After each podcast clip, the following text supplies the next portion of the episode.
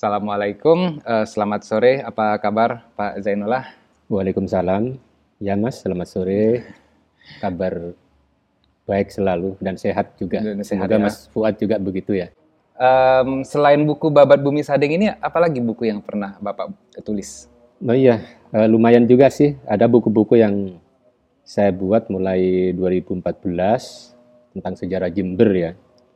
Apa namanya sebagai cikal bakal dari edisi pemutahiran Babat Bumi Sading. Mungkin boleh saya ekspos ya? Ya, silakan. Uh, ini ini buku pertama saya, terbitkan secara apa namanya nasional lah, artinya bisa didapatkan di seluruh Indonesia. Hmm. Toko-toko buku seluruh Indonesia seperti Gramedia, Togam Mas, Gunung Agung dan sebagainya. Juga di luar negeri, Belanda, oh, Australia dan sebagainya. Berarti udah diterjemahkan uh, iya. ke bahasa Belanda. Iya. Ya kurang paham mungkin begitu. Hanya intinya kan buku ini karena mungkin masih kurang sempurna, kurang lengkap, kurang hmm. komprehensif. Akhirnya saya edisi pemutahiran jadi babat bumi sading. Hmm. Sedangkan buku yang kedua ini adalah tentang ini juga sejarah tentang Sumenep. Oh. Babat modern Sumenep ya. Uh. Ini karena buku di Sumenep ini cukup banyak sih penulisnya akan tetapi hanya berada apa namanya didapatkan di lokal yang artinya tidak tidak sampai terbit besar indie hmm. lah. Ini kami buat agar bisa dinikmati seluruh Indonesia dan juga di sebagian di luar negeri. Juga tentang sejarah klasik Sumeneb. Lalu kemudian yang ketiga ini tentang sejarah Jawa Timur, tahta di Timur Jawa. Kita juga belum ada tentang buku buku babon tentang uh, Jawa Timur. Jadi berkisah tentang sejarah klasik di Jawa Timur ya, mm-hmm. yang juga diterbitkan oleh penerbit mayor sehingga didapatkan secara nasional. Kemudian setelah itu baru Babat Bumi Sadeng yang di oh, Mas Fuad tadi yaitu uh -huh. lalu kemudian terbaru adalah tahun 2022 hmm. kemarin adalah ini ya. Undang Bumi Mataram. Hmm. Jadi sebenarnya sejarah uh, berskala nasional ya. Hmm. Yang saya coba kami apa namanya saya tulis saya tulis semacam ditulis ulang lah karena belum ada hmm. buku sejarah tentang Medan Bumi Mataram yang tulis secara khusus kecuali di SNI dan sebagainya. Jadi ini buku-buku yang katakanlah yang beredar secara luas diterbitkan secara mayor atau nasional. Sedangkan buku-buku yang lain banyak sekali yang kerjasama seperti tentang sejarah Mentawai. Oh pernah nulis sejarah Mentawai? juga saya kerjasama dengan Bapak Kepala Kejaksaan Negeri Jember Pak Dr. Prima Edwan Marisa ya. Uh-huh. Juga kebetulan bapaknya seorang sejarawan juga. Uh-huh. Sejarawan nasional, penulis buku dan beliaunya ingin ingin belajar dengan saya cara menulis. Hanya kami hmm. join merger untuk nulis uh-huh. buku, beberapa buku ya. Ada mungkin tidak keliru tiga buku atau empat buku gitu. Ya juga sebagian terbitkan nasional. Ya, itu dan beberapa buku-buku yang ditulis ya, dengan para pakar-pakar seperti dari UGM, hmm seperti sejarah Lumajang dan Profesor Margana, Sri Margono ya. Sri Margono. Kemudian juga dengan eh, teman-teman dari FIB UNED dan sebagainya. Jadi lumayan sebenarnya, cukup banyak. Hmm. Seperti itu Mas, tentang buku-buku saya. Apa yang mendasari Pak Zainullah ini menulis buku-buku sejarah ini? Oh iya, uh, yang pertama yang menjadi motivasi dan alasan saya, pertama adalah karena uh, masyarakat, publik, anak-anak muda khususnya ya, ini merasa kekurangan buku-buku yang ber buku-buku sejarah lokal khususnya ini. Mm -hmm. Banyak terpublish dan dan kebetulan memang pada masa-masa itu kan di masa itu di Facebook gitu ya, di media sosial itu kan sedang ramai diskusi-diskusi tentang sejarah lokal. Mm. Namun semuanya berakhir tulisan-tulisan itu di di Facebook ya, tidak terpublish dalam artian dalam bentuk cetak. Sehingga kami kemudian mendorong untuk menuliskan buku biar bermanfaat itu. Yang ya. alasan pertama, alasan yang kedua kami kebetulan memiliki uh, komunitas sejarah ya Batara Sabta Prabu yang saya ya. bentuk tahun 2012 itu. Itu mereka teman-teman itu teman-teman saya itu intens mengadakan kegiatan-kegiatan ekspedisi, eksplorasi dan diskusi sejarah. Kemudian kami bergerak juga ini ke, ke literasinya. Artinya teman-teman lapangan ini kemudian kami rangkum, kami apa namanya kami buatkan buku-buku buku seperti ini ya alhamdulillah ternyata banyak yang berminat hmm, sekali ya. bahkan menjadi semacam tanda kutip revolusi perbukuan sejarah untuk sejarah lokal terutama pada babat bumi sading itu yang Hmm. betul-betul banyak mendapat perhatian dari publik. Apa keseruan-keseruan yang Bapak alami selama menulis buku-buku yang Bapak tulis? Sebenarnya eh, menurut saya awalnya sih tidak ada keseruan gitu, awal mungkin biasa lah Mhm. karena pemenulis. Ya keseruan-keseruannya karena eh, makin kita tulis ya makin saya pelajari, kita telaah, kita, kita interpretasi. Keseruannya adalah karena begini, penyiapan data-data lapangan ini Hmm. eh, begitu menantang ya. Dalam artian memberi kami melecut sema- semangat ya, semangat untuk menulis. Karena kadang-kadang begini, kalau seorang penulis tanpa ya, tanpa istilahnya penelitian lapangan, itu mereka kan mungkin terasa hambar, monoton, karena kan hanya mencari data-data tekstual atau referensi di perpustakaan atau data lainnya. Kalau kami kan juga di lapangan Mhm. mencocokkan. Jadi kami anggap sebagai suatu keseruan dan ah, berakhirnya kemudian dari keseruan itu kemudian eh, saya menjadi menjadi lebih produktif. Karena dalam tempo 8 tahun eh, saya sudah bisa menulis 8 buku Delapan ini. buku ya. Eh, karena menulis buku ini sebenarnya lama loh Mas, karena peneliti buku-buku apa, referensi ilmiah kan. Mhm. Sehingga membutuhkan data-data yang begitu kompleks, komprehensif dan tentunya eh, harus juga berburu dengan data-data di luar negeri atau bu- berburu data-data yang ditinggalkan oleh para pakar seperti ke- pakar-pakar Belanda pada masa lalu tentang klasik misalnya Mhm. seperti itu. Jadi keseruannya di situ. Dari sekian, eh, ini kan pernah ekspedisi ke keluar ke lapangan kan gitu Pak ya. Betul. Iya. Em, di mana eh, lokasi di lapangan itu yang paling menantang untuk ditelusuri? Saya justru kalau meneliti di lapangan di Jawa Timur ya, Mhm. misalnya ke termasuk ke Trowulan, Banyuwangi, Situbondo, dan terutama Jember lah. Mhm. Justru bagi saya yang paling menarik adalah Jember. Mengapa demikian? Karena Jember ini justru data lapangannya itu tidak nyaris tidak tampak ke permukaan, Hmm. kecuali beberapa tempat seperti peninggalan klasik yang di Deres itu masih tampak. Mhm. Dan justru Jember ini paling besar data lapangannya, data tekstual, eh, data bukan data arkeologis, tapi tidak tampak. Misalnya kami identifikasi ada sekitar lebih dari 40 titik ya, Menunjukkan bahwa di Jember itu di situ terdapat pusat-pusat peradaban pada masa klasik. Misalnya bekas candi, eh, bekas taman sari atau patirtan ya, atau Patirtan. juga bekas mungkin bekas benteng Hmm. dan sebagainya. Itu Hmm. 40 titik. Sehingga kami cocokkan dengan pernyataan dalam buku Tom Paire ya, Tom Paires itu. Tome Pire ya. Tome Iya, Pire. Tom Paire itu dalam buku Suma Oriental bahwa daerah kawasan timur Jawa ini pada masa-masa abad ke-16 awal itu banyak terdapat ya, apa namanya semacam pagoda kata mereka, Mereka itu pagoda. menggunakan pagoda Bahasa pagoda. karena ketika kunjungannya dia ke daerah Asia Tenggara itu menjumpai bangunan-bangunan pagoda. Makanya candi itu diidentikan dengan pagoda. pagoda ya. ya. Jadi itulah Timur Jawa ini saya identifi- identifikasi adalah paling banyak memang Jember. Lokasi itu menurut saya paling paling menarik datanya. Hmm. Jadi dalam artian eh, data itu bisa katakan nonsen tidak ada ya. Sehingga kami banyak di situ menginterpretasi. Dan ternyata memang cocok sekali. Dibanding daerah lainnya, daerah lainnya itu masih kelihatan kayak Lumajang. Gitu. Mhm. Kalau Jember ini nyaris serata dengan tanah, di bawah tanah malah. Tapi justru paling banyak teman-teman arkeologisnya di situ. Seperti itu. Eh, dia ini saya mau tanya interpretasi Bapak ini. Jadi Iya. kita punya 40-an ya, 40-an sisa-sisa eh, benda-benda arkeologi di Jember yang belum berhasil kita apa namanya? belum berhasil eh, yang sudah tinggal sisa-sisa kan gitu ya. Iya, betul. Eh, menurut Bapak kenapa yang tersisa tinggal sisa-sisa kayak begitu?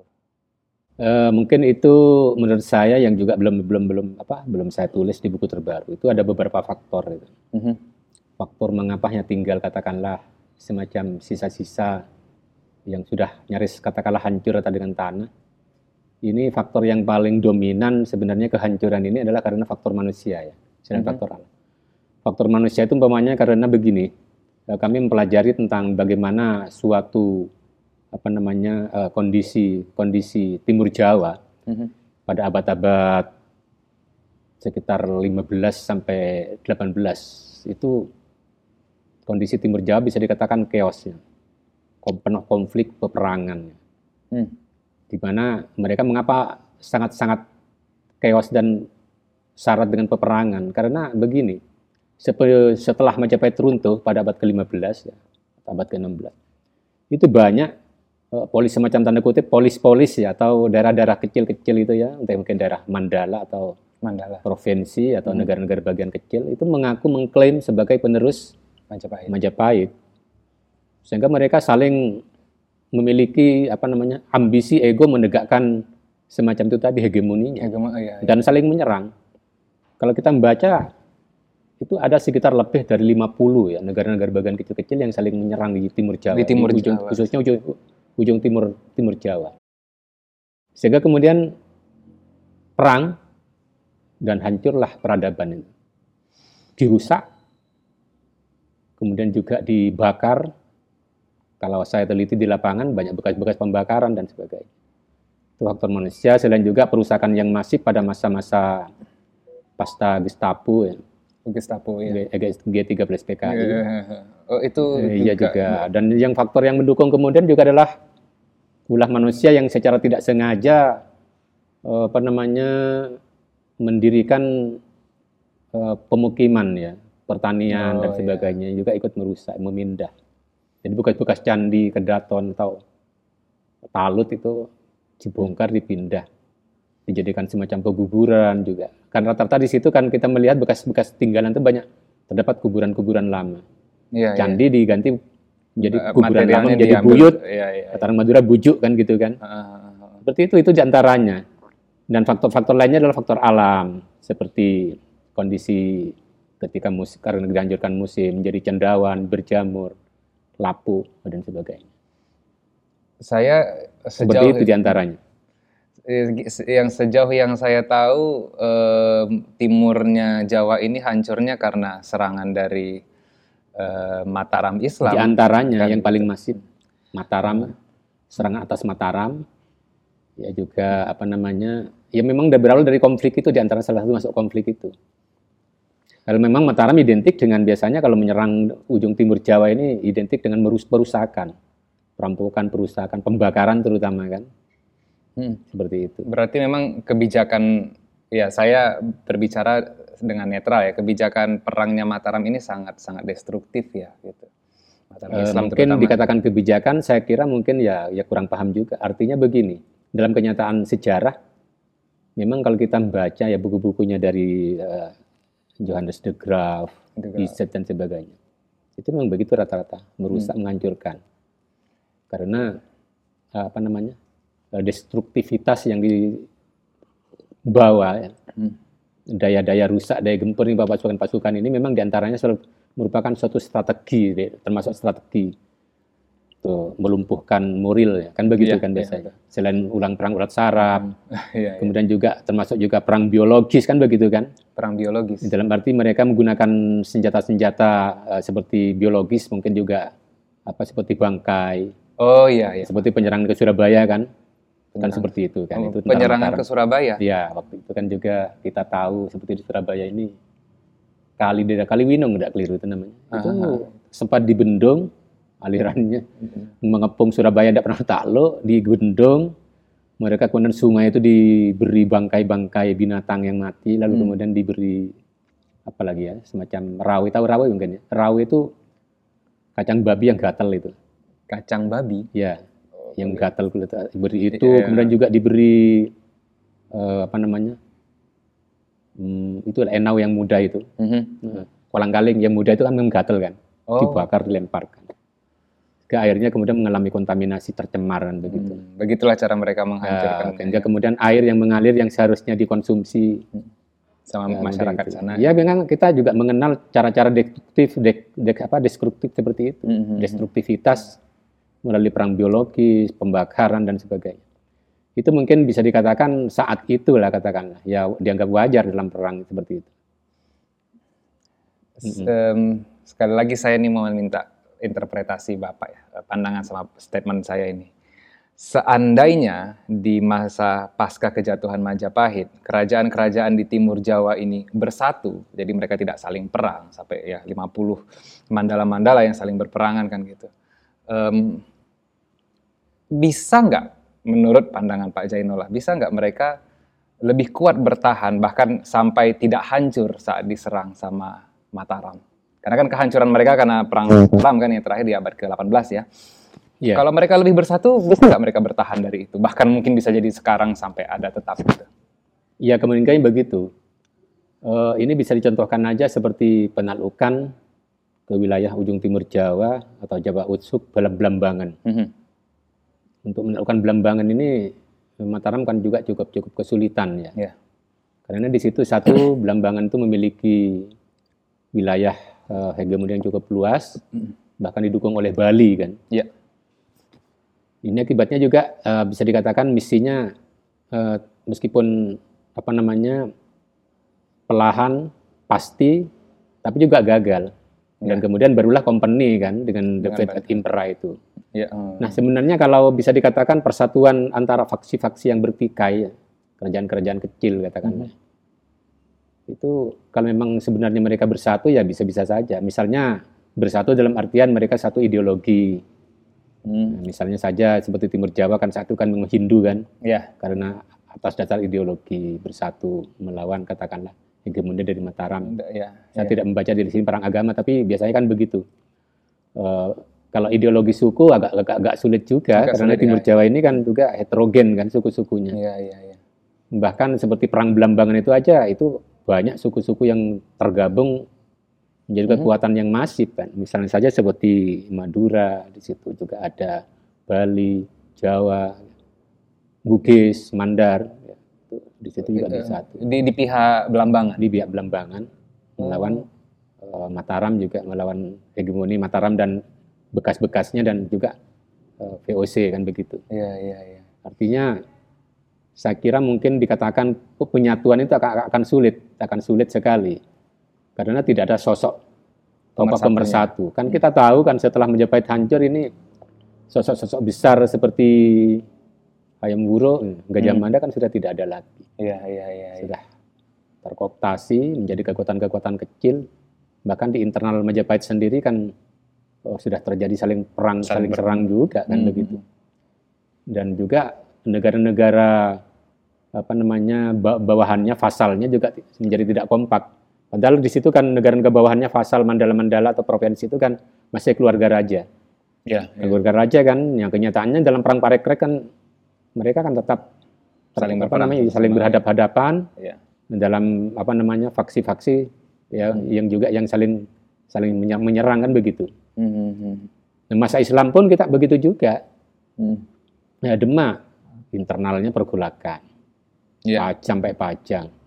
Baru kemudian eh, apa namanya? eh, Mataram yang relatif lebih lebih lebih kuat, lebih lebih valid apa namanya? Dalam artian tapi di mereka kan ansih di di satu sisi kan, bukan di timur Jawanya. Oh iya, iya. Dianggap mungkin apa namanya? Kulon lah katakanlah, bukan wetan, bukan, iya. bang Bukan wetan, wetan, kan iya, begitu. iya, iya. Seperti itu. Hmm.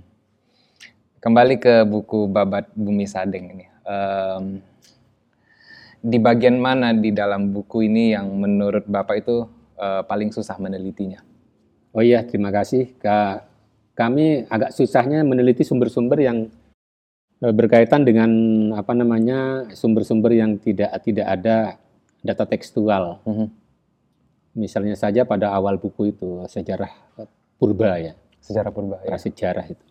Baik prasejarah pada awal, misalnya pada masa hmm, Paleolitikum, Pada, eh, batu tua mhm. atau batu tua kemudian batu tengah atau batu maja, Mesolitikum, Mesolitik. Hmm. dan Neolitikum, Megalitikum. Mhm, mhm. Ini kami kebalik dengan masa klasik. Di situ kesulitannya apa? Karena banyak sum- eh, banyak bukti-bukti bersejarah di Jember dominan sekali bahkan masa prasejarah. Akan tetapi sumber-sumber referensinya malah dikatakan nyaris tidak ada. Sehingga kami harus kesulitannya adalah eh, banyak mengembangkan interpretasi sendiri. Interpretasi didukung dengan anali- analisis eh, kemudian juga hipotesis kan begitu. Mhm, mhm. Itu juga tapi juga tantangan sih. Pasti, Nah, hanya ya. untungnya kemudian di masa-masa awal penulis apa di masa-masa awal sejarah Jember itu eh, para pakar juga banyak menulis tentang itu, menulis tentang masa-masa prasejarah itu. Yang pada pada umumnya bisa diam, di apa namanya di- diambil sebagai kes- kesimpulan umum Mhm. Eh, misalnya saja kita baca bukunya tentang Peter Bellwood itu, itu banyak membahas tentang masa-masa masa-masa prasejarah. Ada juga ada Dr. Andes Sam Douglas eh, Mambo itu ya. Hmm, Winston Mambo itu juga Mambo. pakar. Ada juga di situ tulisannya Pak Khalid Nawawi juga penelitinya di situ. Ada juga banyaklah di situ. Termasuk juga eh, sangat berterima kasih sendiri kepada sahabat senior saya yang sudah meninggal ya Pak Dr. Andes Sendik Purbandrio juga beliaunya banyak juga memiliki sumber-sumber tekstual ya dan arkeologi di pada masa itu. Kami tertantang dan ternyata kok setelah saya rekonstruksi kembali kok ternyata bisa, bisa dan Jember juga luar biasa di situ sumber-sumber prasejarahnya. Berarti em, su apa namanya eh, objek-objek prasejarah Jember di era-era apa namanya megalitik, neolitik lah terutama yang mereka udah lebih maju ya teknologinya. Iya. Em, sebenarnya gini, saya selama ini merasa di wilayah Jember ini yang paling banyak itu memang peninggalan megalitik saja. Gitu. Iya. Tapi dari eh, obrolan kali ini, sepertinya memang di era-era Hindu Buddha, di era-era klasik kita bilangnya ya, itu ternyata sama banyaknya juga. Banyak juga. Sekali lagi saya mau nanya pertanyaan yang eh, interpretasi Bapak. Di, di mana dari sekian banyak situs sejarah yang ada di Jember ini yang merupakan favoritnya Pak Jainullah? Dan kenapa kalau ada gitu? Iya. Eh, saya kalau situs sejarah ini kalau melihat dari situs apa namanya prasejarah, Mhm. saya khusus favorit biasanya tinggal-tinggal megalitik di kawasan utara ya. Lereng. Pegunungan Argopuro yang disebut dengan nama Kamal Tua. Iya, kamu. Dikatakan Kamal Tua ya, istilah Hmm. Belanda itu. Kamal T O E A Tua. Heeh. Itu tersebar dari daerah Arjasa ke timur. Mhm. itu merupakan situs favorit karena satu sangat banyak sekali potensi ya tinggalannya sampai wilayah-wilayah Arjasa itu apa wilayah eh, maaf Sukowono kemudian Silo sampai Ar- Kalisat juga ada. Tapi kalau masa-masa klasiknya favorit saya itu saya sendiri senang di kawasan selatan. Selatan. Misalnya Candi Deres ya. Eh, dan sekitar itu banyak temuan di situ. Daerah selatan ini karena bisa dikatakan sebagai areanya atau medannya peninggalan klasik.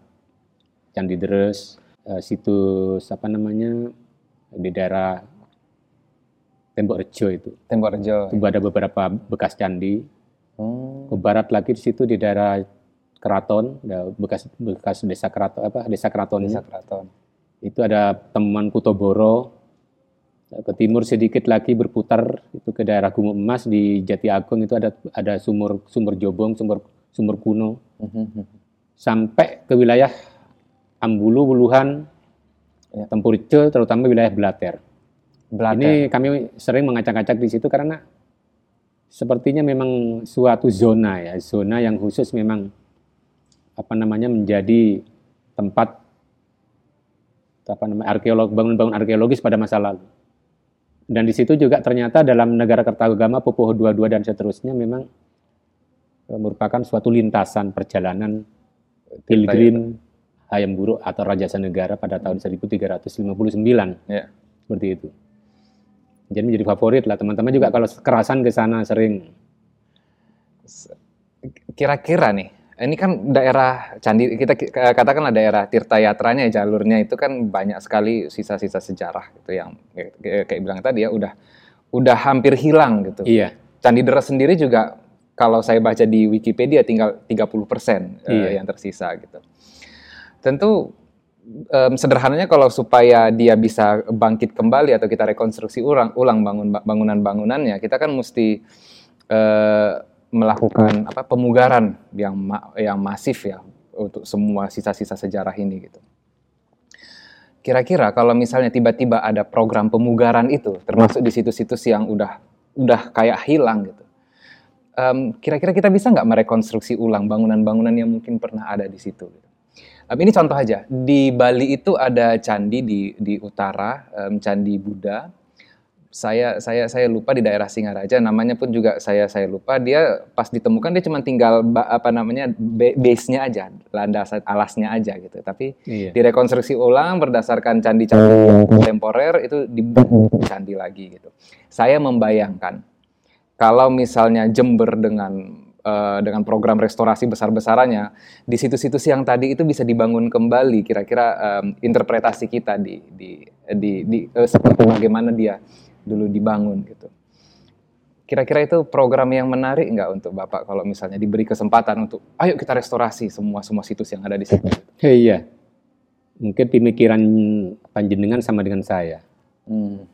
Berharap, bermimpi atau mungkin obsesi ya. Hmm. Meskipun mungkin itu utopia ya. E, artinya berharap juga pemerintah dapatnya merekonstruksi kembali, mengupgrading bangunan-bangunan itu kembali. Yang tentunya memang sulit sebenarnya.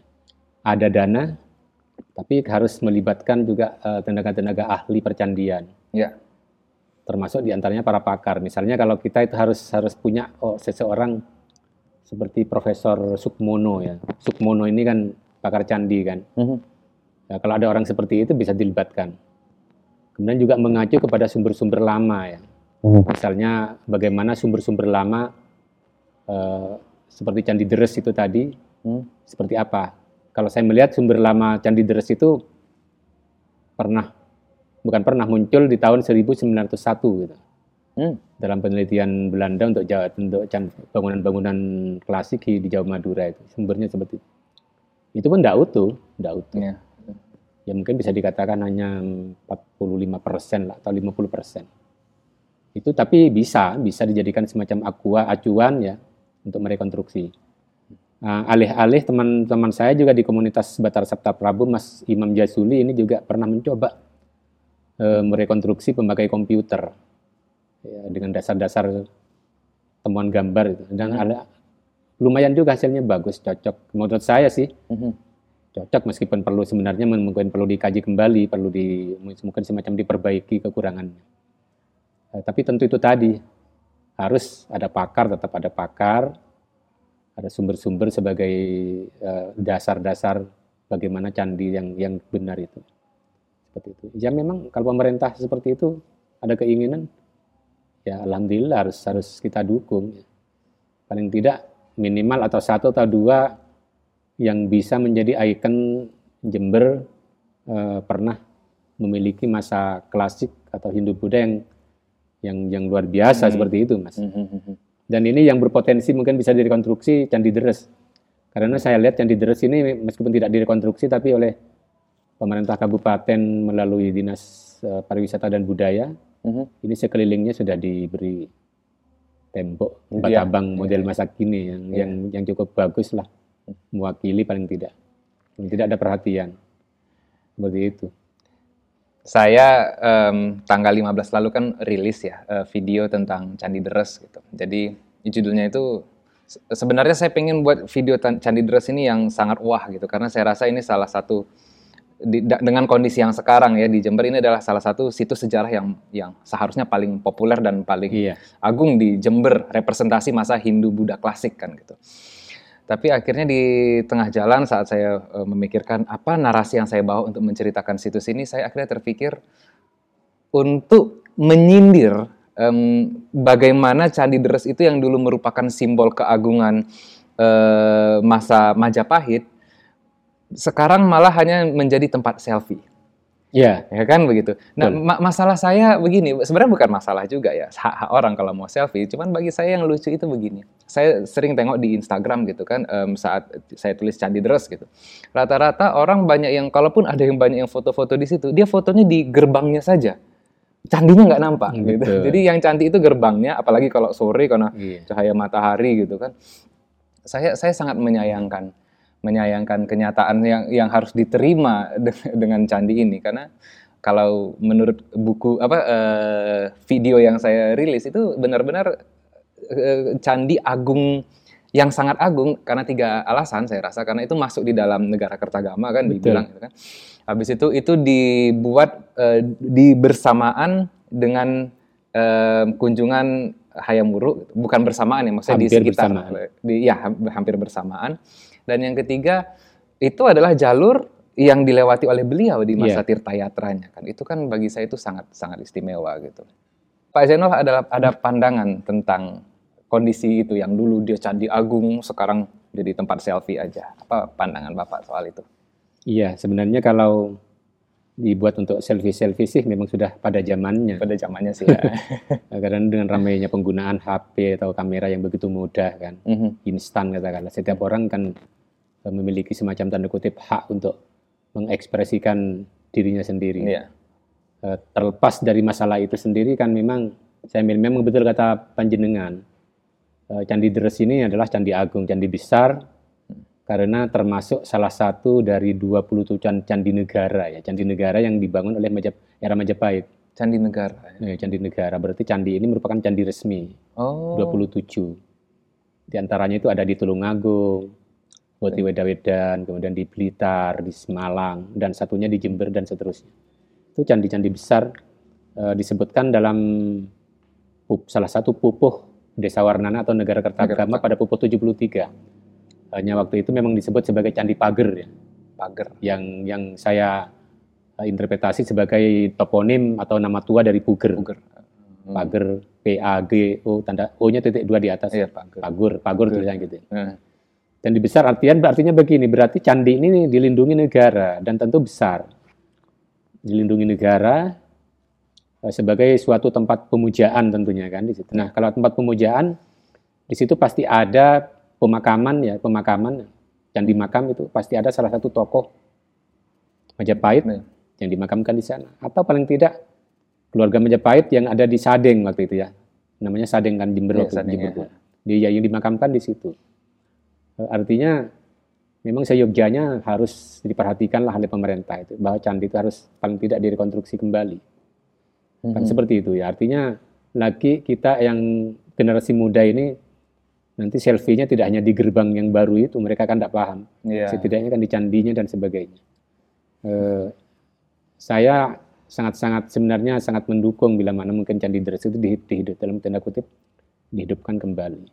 Apa pun harus ada dana lah seperti itu kan, Iya, pastinya untuk ya. melakukan itu. Makanya kan karena merupakan candi negara dan di situ juga luas arealnya itu kan di Mhm. utara ini ada beberapa saya sebut dengan teman-teman sebagai candi perwara ya. Candi Perwara. Candi Perwara itu artinya candi pengiring. Karena di samping candi candi Deres yang besar, di situ juga ada candi-candi kecil yang mengelilinginya, mengelilinginya. Yang Mhm. disebut dengan candi pengiring atau candi Perwara seperti itu. Saya semakin semangat sama sejarah di Jember ini. Iya. Di satu sisi saya jujur aja agak agak um, underestimate, agak merendah, ag- agak sepele sama uh, potensi Jember. Tapi di sisi yang lain saya merasa uh, Jember ini punya punya misteri yang begitu begitu Iya, betul. mendalam gitu. Di satu sisi kita bisa ngelihat eh, apa namanya kekayaan em, peninggalan sejarah di di zaman megalitik gitu kan. Tapi di Iya. sisi yang lain seolah-olah tidak ada tapi sepertinya banyak peninggalan-peninggalan klasiknya gitu. Eh, Ini belum belum belum bisa terungkap dan ya harapannya ke depannya bisa bisa diungkap entah bagaimana caranya Iya. kan begitu. Betul. Berbicara soal apa-apa yang belum terungkap dari sejarah Jember. Kira-kira ada nggak situs-situs sejarah atau epos-epos sejarah di Jember yang belum terungkap yang saya pengen banget mengungkapnya? Ada nggak? Ya tentunya banyak sih. Karena eh, Jember ini meskipun tinggalan-tinggalan arkeologisnya hanya menjadi mu- semacam mozaik ya, Mm, yang yang terpisah-pisah Iya. yang kita kumpulkan. Ini sangat banyak sekali. Sekarang permasalahannya tinggalan-tinggalan mozaik-mozaik itu memang perlu didukung oleh eh, data-data tekstual yang ada. Dan sebenarnya itu ada sih, meskipun tidak banyak. Misalnya saya dari buku Desa Warnana tadi, Negara Mhm. Kertagama, mhm. Eh, penyebutan toponim Sadeng, Hambulu, penyebutan nama-nama kuno kayak Balung, Barnes, itu kan nama-nama arkais, nama kuno kan. Dan juga Kuto Bacok yang Kuto sekarang ada Bacok. Gunung Bacok yang sudah diratakan itu. Oh. Itu nama-nama arkais. Jadi sebenarnya menarik. Hanya tinggal sekarang pendukung-pendukungnya seperti yang ada misalnya seperti Perang Sadeng ya. Mhm. Itu dibahas dalam eh, Pararaton ya. Kita Pararaton Pararaton, sebagai ya. sumber sekunder. Mhm. Tapi didukung oleh sumber primer. Sumber primernya apa, Pak? Sumber primernya tetap ya negara Kertagama itu Oh, tadi. iya, iya, iya. Menyebutkan tentang adanya perang Sadeng kan. Seperti kata-kata menyernakan Musa di Sadeng. Itu banyak, bukan hanya itu saja. Nanti kita juga daerah timur, sekarang daerah Keranjingan itu. Ya. Itu juga ternyata adalah suatu lokasi ya, lokasi kuno yang luar biasa juga. Luar saya katakan luar biasa karena di situ lebih dari 10 orang peneliti Belanda pernah mengacak-acak meneliti situs keranjingan itu yang disebut dengan mana situs apa kerajaan Mejanggung itu ya dalam catatan tidak keliru siapa Brandes atau siapa gitu kerajaan Mejanggung Mejanggung ya mohon maaf kayaknya belum ada papak tulis ya di ya belum belum belum, ya? masuk oh, memang ya. karena penelitian saya paling setelah intens memang baru-baru ini oh ini ya. mengapa saya katakan luar biasa arealnya itu lebih 20 hektar 20, 20 hektar. hektar 20 km anggap gitu luas sekali dan temuannya beberapa kali mesti teman-temannya sangat banyak ya keramik-keramik, terakota, arca, bahkan teman-teman dari peninggalan-peninggalan itu di antaranya adalah seperti keramik-keramik Cina itu banyak. Keramik-keramik Cina. Keranjingan, kerajaan-keranjingan. Ini suatu satu yang luar biasa ya. Hmm. Kekayaan Jember yang luar biasa. Belum lagi nanti Pontang. Pontang, kerajaan. Pontang, Pontang itu termasuk juga kerajaan yang disebutkan pernah memiliki Ratu Van Pontang kata catatan Belanda itu tahun 1338 itu ada prasastinya juga prasasti ya prasasti Pontang itu yang ditemukan di atas bukit yang sekarang nggak tahu ke mana itu itu kami dengan komunitas sudah berkali-kali juga uh, namanya beluk, uh, belusukan belakangan ke sana itu sangat luar biasa hmm. sekali jadi sangat banyak sekali belum lagi ya Blater ini Blater ini luar biasa saya katakan luar biasa Blatter ini sering disebut dalam bukunya The Graph ya. Uh-huh. Selain karena peninggalan masa klasik, Blatter ini juga terkenal pada masa-masa kolonial awal ya, ekspansi Mataram. Uh. Blatter ini sudah berkali-kali dibakar karena merupakan semacam apa ya buffer zone buffer zone buffer zone-nya Belambangan paling barat. Iya iya. Jadi ada semacam ikatan emosional antara Belambangan dengan Blatter melalui perkawinan. Dari situ kemudian karena mungkin dianggap sebagai apa namanya benteng terdepan serangan dari barat maka Blatter juga Puger pernah pernah dibakar beberapa kali mm -hmm. kan luar biasa jadi di situ banyak tinggalan-tinggalan klasik Hindu Buddha sampai masa Islam inilah yang saya katakan eh, makin ditelusuri makin kita terjun ke dalam Jember ini tidak kalah dengan sejarah lainnya kayak Lumajang, Banyuwangi dan sebagainya. Seperti itu. Malah semakin kita terjun ke dalam semakin banyak pengetahuan, semakin banyak yang nggak kita ketahui ya. Makin penasaran tentunya. Hmm. Iya. Hmm. Kira-kira nih dari sekian banyak epos-epos yang terjadi, katakanlah dari era megalitik, habis itu ke era katakanlah ke era Melayu kuno, proto Melayu gitu ya, saya istilahnya pas yang membangun arca-arca kayak arca-arca Polinesia, habis yeah. itu terus ke era kayak um, se, se, se apa namanya seera dengan uh, prasasti Congapan sama uh, Watu Watu Gong habis itu terus ke era Majapahit terus ke era Islam era kolonial sampai era pra kemerdekaan dari sekian banyak epos sejarah ini uh, era yang mana yang menjadi favorit Pak Jainal? Tentu saja kalau saya karena memang berangkat dari kajian dengan teman-teman Batar itu adalah klasik ya. Klasik ya. Pak. Era klasik ini satu paling paling menantang, paling menarik. Mm -hmm yang kedua banyak katakanlah eh, apa namanya kita ini banyak kekurangan ahli klasik. Oh gitu. Masih kurang oh. sejarawan yang pelajari yang iya, terjun ke iya. klasik. Ya mohon maaf seperti di uh, perguruan tinggi aja ini uh, saya teman saya memang sering bergaul dengan dosen-dosen mereka ya dengan hmm. teman-teman dosen. Mereka memang memang mengatakan memang kita tidak memiliki pakar-pakar klasik. Bahkan saya mohon maaf saya juga oleh teman-teman sering sering diajak dirujuk katakanlah. Kalau untuk sejarah klasik Jember biasanya saya diajak. Hmm. Baik kok, kok, oleh Pak hmm? Margono UGM, ketika oleh sejarah Lumajang, juga pernah juga terlibat di UNED dan sebagainya. Ini karena memang tidak, tidak, tidak banyak pakar yang mempelajari itu. Kecuali yang banyak kalau Jember ini adalah pakar-pakar yang oh, concern dan fokus di sejarah kolonial kolonial, kolonial ya. akhir ya mm, mm. dan perkebunan terutama yeah, yang terkenal yeah. perkebunan kalau dulu yeah, yeah. itu ya terutama mungkin sehingga kemudian kami dengan komunitas ini Batar Sabta Prabu ini sesuai dengan namanya juga berkutatnya di tataran-tataran sejarah klasik klasik ya dan alhamdulillah teman-teman ternyata memang senang di situ itu di klasik itu sehingga mohon maaf kami tidak tidak terlalu khawatir ya kalau memang mencari sumber-sumber penjelasan, paling tidak narasi-narasi tentang sejarah klasik Jember. Untuk itu. Uh, iya, apa namanya saya selama ini merasa memang um, di wilayah sini ya, tanpa mengurangi rasa hormat, memang referensi yang kita dapat untuk sejarah-sejarah klasik itu sangat sangat sangat rendah gitu. Iya. Yeah sangat rendah dibanding kalau misalnya tentang perkebunan kayak tembakau, kopi dan betul, lain sebagainya betul. itu wah banyak sekali tersedia gitu. Pengetahuan-pengetahuan yang kita dapat di sana pun udah sangat komprehensif. Gitu. Iya. Jadi memang um, dari sini saya saya sadar gitu. Oh, rupanya memang karena dia sikit orang-orang yang yang betul-betul ahli katakanlah seperti itu ya di bidang iya. sejarah klasik. Saya kalau bicara soal Hindu Buddha klasik ya katakanlah dari era uh, Sriwijaya sampai era Majapahit akhir, saya punya tokoh favorit.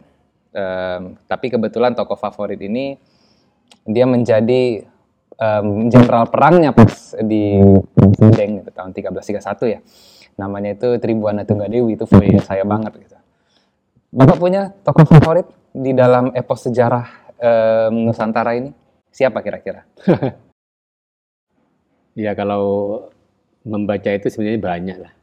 Saya justru kalau tokoh-tokoh ini apa bukan-bukan tidak kagum. Uh -huh. Kami memang karena kan tokoh ini kan biasanya memiliki sejarah dan karakternya sendiri-sendiri. Uh -huh. Misalnya seperti Gajah Mada, ya saya salut pada tokoh ini. -huh. Ayam Buruk juga begitu. Saya juga memiliki apa namanya favoriti favorititas pada Aditya Warman. Aditya Warman. Suka juga saya. Alasannya apa sama Aditya Warman? Begini, Aditya Warman ini sebenarnya dia itu tokoh-tokoh penting yang orangnya mungkin bisa dikatakan loyal sekali ya, loyal dia itu tanpa reserve, ditugaskan begitu-begitu langsung. Dan juga eh, dia tidak memiliki catatan-catatan mungkin buruk ya, integritas hmm. yang buruk, hmm. track record atau sepak terjang yang iya, buruk. Iya, iya, Dan sejarahnya kan selalu cemerlang kan dia.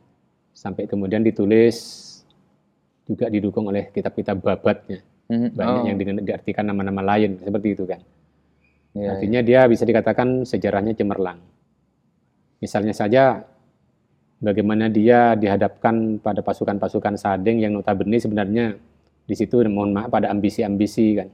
Mm-hmm. Tapi Aditya Warman ini di samping juga membawa pasukan yang luar biasa juga dia juga berdiplomasi cukup bagus kan begitu ya, tidak ya. tidak tidak masuk dalam pusaran pertikaian antara Gajah Mada dengan Rakembar, Rakembar kan, ya, ya. dia netral kan dia pandai membawa memposisikan dirinya sebagai salah satu uh, seorang prajurit atau panglima Majapahit hmm. yang paling brilian yang salah satu yang paling ya, seperti penyerangan ke Bali dan sebagainya. Oh, beliau ikut ya sampai ke Bali. Ya, seperti itu. Hmm. Tentu tentu seperti itu. Jadi saya banyak Termasuk juga saya suka Ranggalawe dan Lembu Ranggalawe. Ranggalawe ini bagaimana? Dia sosok yang keras, hebat, hmm. integritasnya tinggi, konsistensinya dia tinggi juga. Hmm. Seperti itu. Apa, yang, artinya kemudian meskipun katakanlah dianggap sebagai seorang pemberontak, tapi setidaknya kita melihat dia adalah seorang yang tokoh yang gigih memperjuangkan tentang katakanlah tadi harga diri, harga diri. dan seperti itu. Saya teringat ya, uh, mohon maaf Pak, uh, saya teringat saya belum mengucap Arya Wiraraja, salah satu favorit saya juga itu. Iya, iya. Saya rasa keren gitu. Jadi, uh, jadi uh, Arya Wiraraja tetap nomor satu di hati saya, nomor iya. dua baru, mohon maaf sama Tribuana, tapi beliau nomor dua. gitu. Iya. Gimana tadi Pak? Iya. Jadi tokoh-tokoh seperti yang Panjenengan katakan, Arya Wiraraja, Tribuana memang juga Artinya terlalu banyak tokoh hebat loh kala-kala iya, itu kan. Iya, iya. Arya Wiraraja merupakan seorang pembangun founding father tokoh guru Majapahit. Iya. Iya. Yang meskipun dia dianggap sebagai tokoh yang kontroversi kan begitu. Mm -hmm. Sisi-sisinya ada yang dianggap negatif dan sebagainya.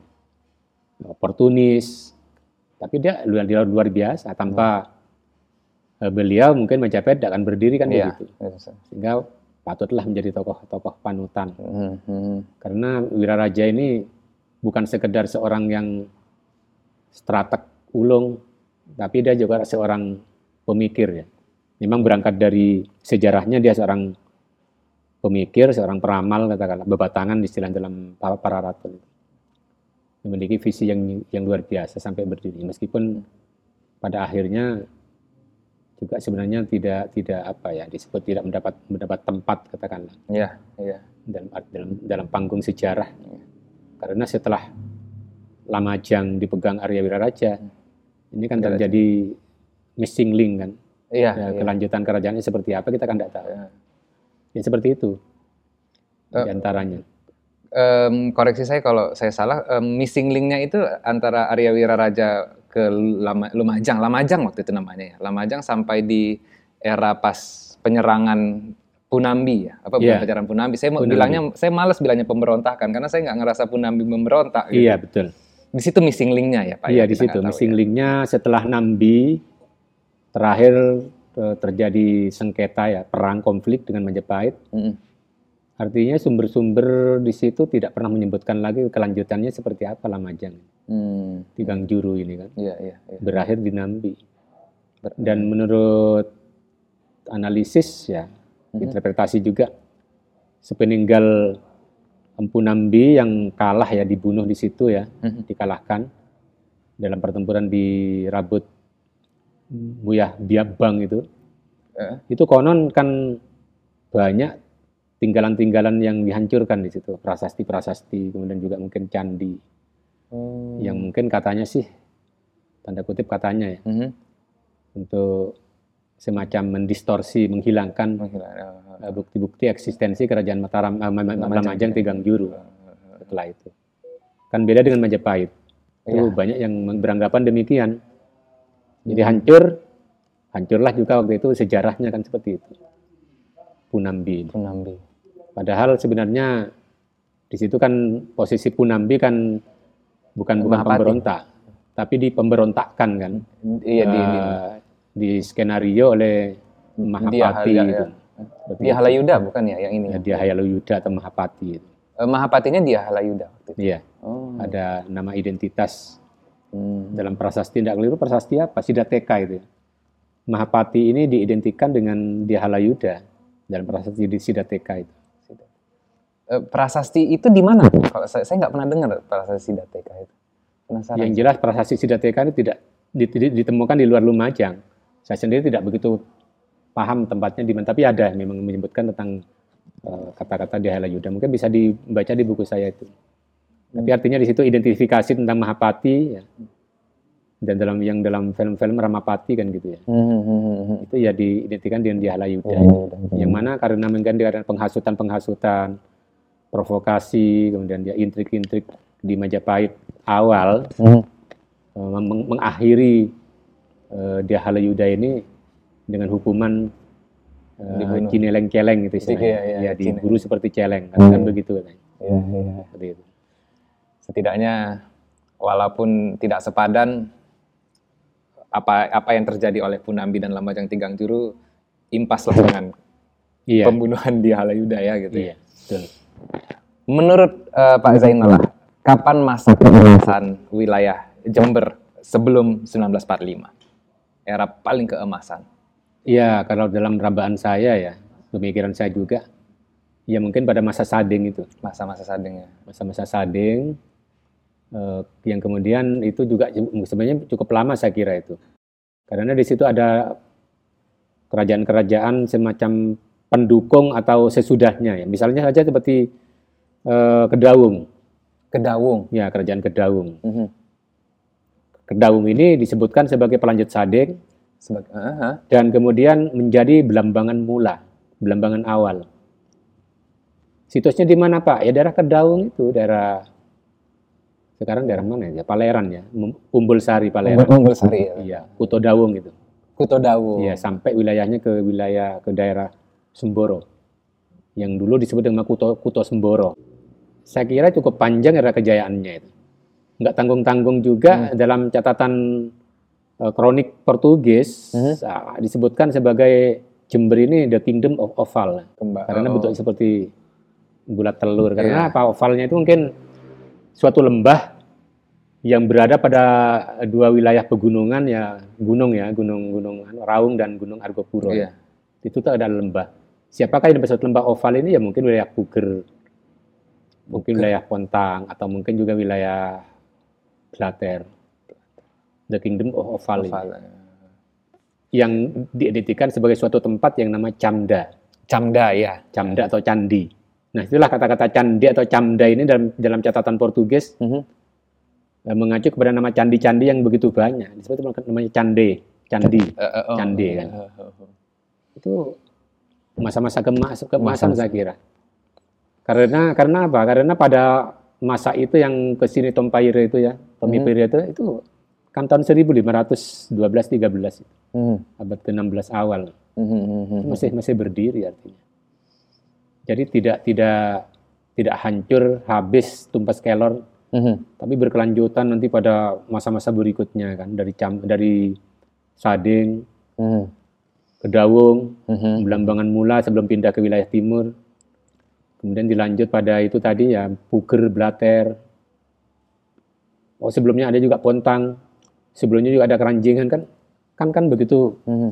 banyak hmm, polis-polis seperti Po- itu. Polis-polis ya. Iya. Ini dua pertanyaan terakhir nih. Iya. Um, pertanyaannya begini, katakanlah tiba-tiba ini, bukan tiba-tiba memang em, entah bagaimana tiba-tiba ada em, program dari pemerintah untuk me- merekonstruksi ulang, membangun ulang, eh, merevitalisasi semua eh, objek-objek sejarah yang ada di Jember ini. Dikerjakan, dikerjakan, dikerjakan, dibangun kembali candi-candi yang ada. Niatan pemerintah adalah untuk menyadarkan masyarakat Jember akan sejarahnya Iya. kan gitu. Tiba-tiba setelah dibangun semua, akhirnya timbul sebuah kesadaran. Yang saya pikir kesadaran ini sebenarnya udah dimiliki oleh beberapa, mungkin banyak juga orang-orang Jember yang melek sejarah. Bahwasanya begini, kejadian patriotik yang terjadi di Jember sepanjang sejarahnya adalah di saat Perang Sadeng 1331. Ternyata ini adalah simbol tentang semangat juangnya orang Jember yang Iya. asli gitu kan. Nah, tiba-tiba dari semangat ini diadopsi sama semua orang Jember yang ada sekarang gitu. Iya, kita ini adalah orang-orang Sadeng. Nah, semangat ini secara konsekuentif membuat sentimen baru. Ya, bukan sentimen baru juga ya, kembali sebuah sentimen sama yang namanya Majapahit. Akhirnya orang Jember ini secara tidak langsung jadi nggak suka sama, bukan nggak suka artinya benci atau apa, nggak ada gini, ah jangan pakai pakai istilah Majapahit. Kayak gini, kayak dulu orang Sunda benci sama orang Jember, orang bubat kan gitu. Iya. Nah, katakanlah tiba-tiba ada ada ada wacana gitu dari pemerintah gitu. Ya udah kalau gitu kayak jalan Hayamuruk itu kan jalan besar ya, Pak ya di di Jember kan, di Jember kota. Kita ganti namanya. Pokoknya semua berbau Majapahit kita hapus. Kita kita kita ini, kita kita bangun identitas baru gitu. Kalau itu terjadi Bapak mendukungnya nggak? Eh, bisa dikatakan mungkin agak sulit juga karena begini. Sebenarnya jika pun nanti ada penguatan identitas tanda kutip sadengisme ya, Sadenisme. bagaimana pernah didengung-dengungkan akhir-akhir ini Oh, yang sudah gara- pernah didengungkan? gara-gara karena bu- gara-gara buku saya kan, gara-gara itu Ya saya juga karena buku ini. sampai kemudian terjadi Bupati Bupati Jember Pak Bapak Hendi Pak Hendi. Siswanto menghendaki juga eh, kita membuat drama kolosal Sadeng Pralaya Yuda yang dari buku saya juga yang saya terlibat juga yang dipentaskan pada 17 Agustus kemarin 2023. Oh itu dari Bapak sumber Iya, sumber dari saya. inspirasinya. Saya sebagai Iya, tanda iya, kutip sebagai uh, inspirator lah di situ deh. Iya, iya. Ini memang luar biasa sekali gaungnya ya dan masyarakat Jember akhirnya banyak yang sadar tentang sejarahnya. Namun eh, inspirasi-inspirasi ini bersifat saya kira bersifat positif yang banyak. Misalnya saja timbullah kemudian seperti kelompok Lingkrafil menciptakan lagu People de Sadeng, kemudian juga kelompok-kelompok komunitas seniman. Mhm. Ada juga ada ide untuk membuat sebatik sadeng, juga pemusik, bahkan juga ada eh, kelompok Tosanaji juga yang ingin mendirikan senjata khas Sadeng. Bang. Dan Hmm. banyak sekali identitas seperti tari Sadeng. Bang. Ini akhirnya eh, luar biasa sekali dampaknya. Bahkan teman-teman juga ada membentuk komunitas di grup WA itu ya. Mhm. Bumi Sadeng dari buku saya itu juga.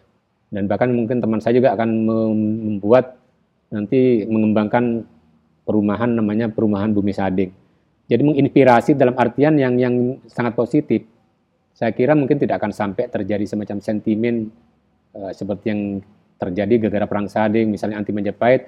Iya. Karena begini, menurut saya masyarakat masyarakat ujung timur Jawa ini eh, begitu dewasa lah menyikapi tentang semacam apa sikap apa katakanlah tidak seperti cerita-cerita yang mungkin terjadi di Sunda. Meskipun ada semacam pertentangan kontradiksi antara Jawa Sunda, saya kira untuk ini mungkin tidak tidak akan ke situ. Hanya mungkin gelora semangat semacam ismu-ismu pembangkitan Sading ini ya saya kira baik juga sebenarnya. Artinya begini, bukan bukan berarti mengegosentriskan Jember. Akan tetapi etos semangat orang-orang Sading kala itu ya keprigelan keberanian itu yang mungkin memang harus harus dilegasikan, di, diwariskan nilai-nilai seperti itu, kemandiriannya. Kemandirian. Akan bukan bukan dalam konteks bukan menguatkan pemberontakannya bukan, bukan hmm. seperti hmm, itu hmm. saya kira. Saya kira sadar karena suatu kebanggaan pride ya, seperti itu. Dan kalau kita hanya berpikirnya sempit ya, primordial, primordial. saya kira uh, dia tidak akan pernah maju negara ini. Kalau sukuisme, etnosentrisme di, di, dikuatkan. Dan itu saya kira memang nah juga nanti narasi-narasi yang dikembangkan bagaimana lah nanti oleh mungkin mungkin tokoh-tokoh sejarah, para dosen, para guru dan juga pemerintah. Bagaimana nanti mengemas, mengemas saya katakan mengemas ya memframe, memframing agar semangat sading ini menjadi semangat yang luar biasa. Meskipun misalnya saja uh, timbul nanti kata Jember dihilangkan, diganti dengan sading, sading. atau bumi sading. Ya tidak masalah saya kira. Hari jadinya juga begitu. Ya, ini akan suatu apa ya dialektika dalam artian menginovasi kembali kesejarahan, mengingat kembali kesejarahan kebanggaan Jember. Kan seperti itu. Meskipun di situ perlu penelitian yang lebih lebih masif lagi. Misalnya saja siapa sih tokoh sebenarnya yang berdiri di belakang Sadeng ini. Saya kira seperti ini. Saya saya begini aja yang penting ya positifnya lah ambil positifnya dari peristiwa itu. Bukan dalam artian bisa mengkotak, mengkoptasi kepentingan-kepentingan terlebih kepentingan yang bersifat sukuisme kan begitu. Iya. Hmm. Dalam Menarik. 10 tahun apa impian terbesar yang Pak Zainullah punya terhadap geliat sejarah di Jember? Ya sebenarnya impian saya dulu berharap dengan saya mendirikan komunitas Batar Sabta Prabu ini eh, masyarakat Jember ini tertidur panjang dari apa dari bangun dari tidurnya yang panjang. Kan memang kebanyakan dianggap seperti itu. Orang Jember buta sejarah, nggak paham sejarahnya. Dan itu menjadi impian saya untuk membangunkan dan betul-betul di luar di luar apa di luar dugaan ternyata antusiasme masyarakat Jember terhadap, terhadap keberadaan eksistensi sejarahnya eh, tambah lambat lambat laun ya makin makin makin muncul ya makin ada hmm. Misalnya saja seperti kemarin apa namanya terhadap pelaksanaan itu aja sudah pementasan Sading Perlaya Yuda itu yang banyak sekali yang sangat-sangat antusias, ya, ya. menyambut begitu. Termasuk juga buku-buku saya yang banyak banyak yang memang banyak banyak digemari mm -hmm. sampai yeah. katakanlah tanda kutip laris manis. Yeah. Itu menunjukkan bahwa dari harapan yang saya mungkin menjadi semacam impian, ya, utopia yang lama yang sedikit banyak menjadi kenyataan lah gitu. E, terlebih sekarang didukung juga oleh sosmed, sosial media ini yang saya lihat ini banyak sekali sekarang ya. berlomba-lomba meng mengupload membuat tayangan-tayangan edukatif tentang uh, tentang sejarah karena ini yang paling menarik paling menarik ya. sekali ya kita melihat seperti itu artinya itu merupakan satu ya merupakan suatu support atau dukungan hmm. uh, terhadap historisasi katakan saya katakan historisasi historisasi ya. Uh, terutama masa-masa klasik dan kebangkitan sejarah lokal begitu kan begitu Ya. Jadi lokalitasnya malah sekarang uh, bangkit karena ini merupakan suatu kearifan kan itu kan begitu kan kearifan ya. lokal uh, kecerdasan atau kecerdasan lokal dan sebagainya. Jadi ya kita banggalah menjadi orang sejarah gitu. Saya uh, ini saya hanya mau mengomentari sebelum saya tutup. Pas Pak Jainola bilang kearifan lokal, saya pikir lebih cocok kalau dibilang ini adalah kearifan nasional karena biar bagaimanapun ini menurut saya iya, sendiri ya, ya Sadeng adalah salah satu bagian dari epos Nusantara yang iya. sangat besar gitu.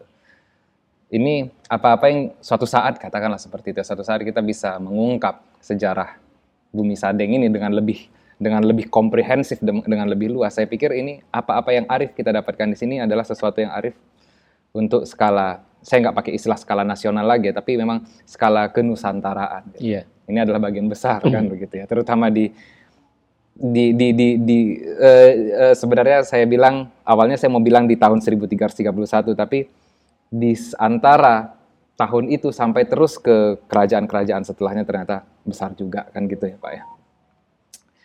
Oke, em, itu aja saya pikir. Makasih eh, Pak Zainullah Ahmad. Sampai jumpa di Sama-sama. Iya, betul. eh, podcast kita ke depannya lagi. Saya saya masih banyak yang mau ditanya sebenarnya. Iya. Iya. Makasih Pak Zainullah. Sama-sama Mas Fuad. Oke.